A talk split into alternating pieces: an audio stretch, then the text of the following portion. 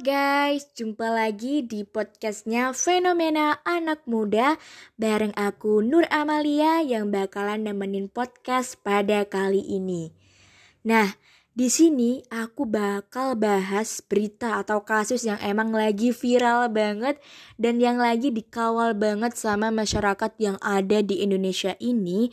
Siapa lagi kalau bukan kasus dari Brigadir J. Nah, kalau menurut aku sih guys, kasus ini benar-benar menarik banget dan unik banget karena kasus ini terjadi antar polisi dan ditangani langsung oleh polisi. Nah, di sini trash issue masyarakat ke polisi aku yakin benar-benar semakin berkurang karena si polisinya aja nggak bisa jaga keamanan, apalagi nanti disuruh jaga keamanan masyarakatnya.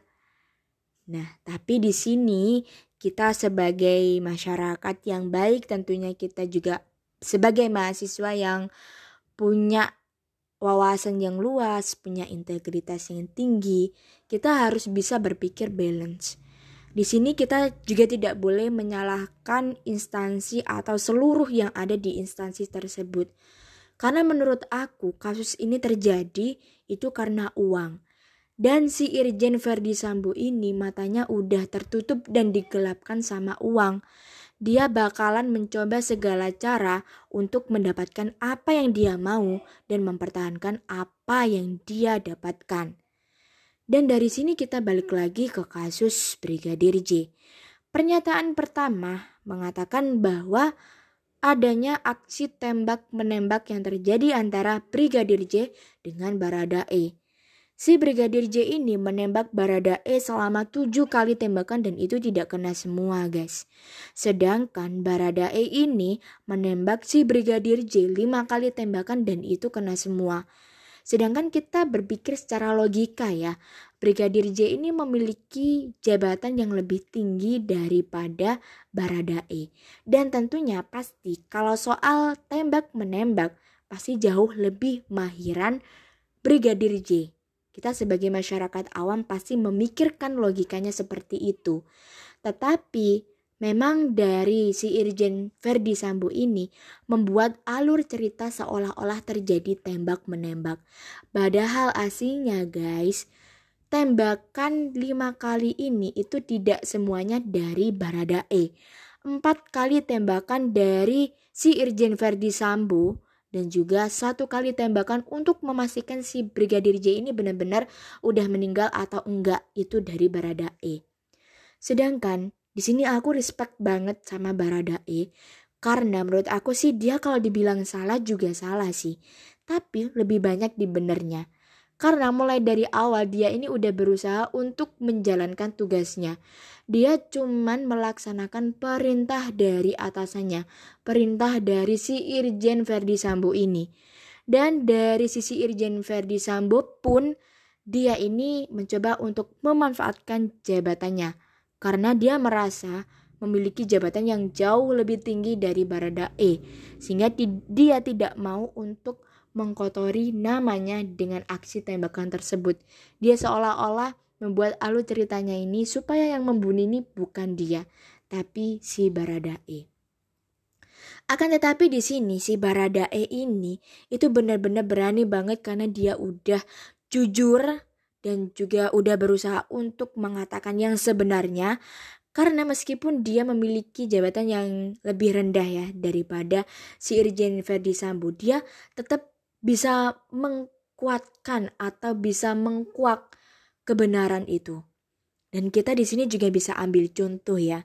Apa pun yang terjadi, kesalahan apa pun yang sudah kita buat, kita harus berani bertanggung jawab dan juga berani ambil resiko dari apa yang sudah kita perbuat.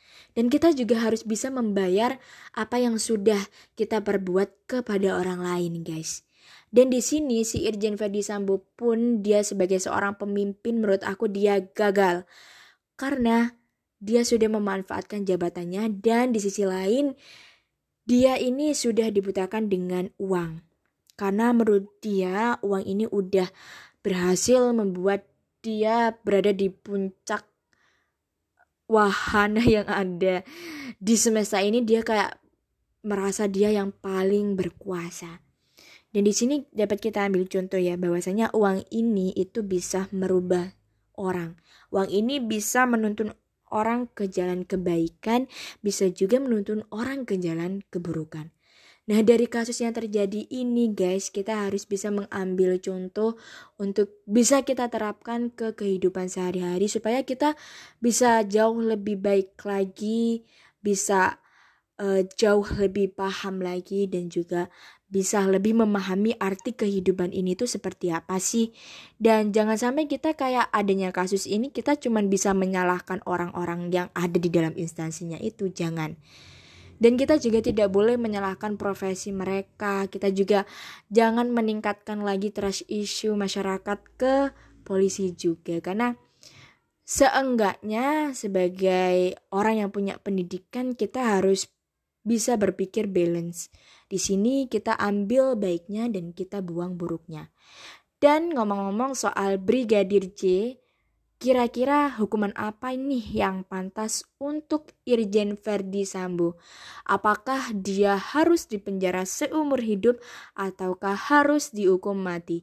Gimana nih guys kalau menurut kalian? Pikirkan itu. Nah sekian dari aku, Dramalia.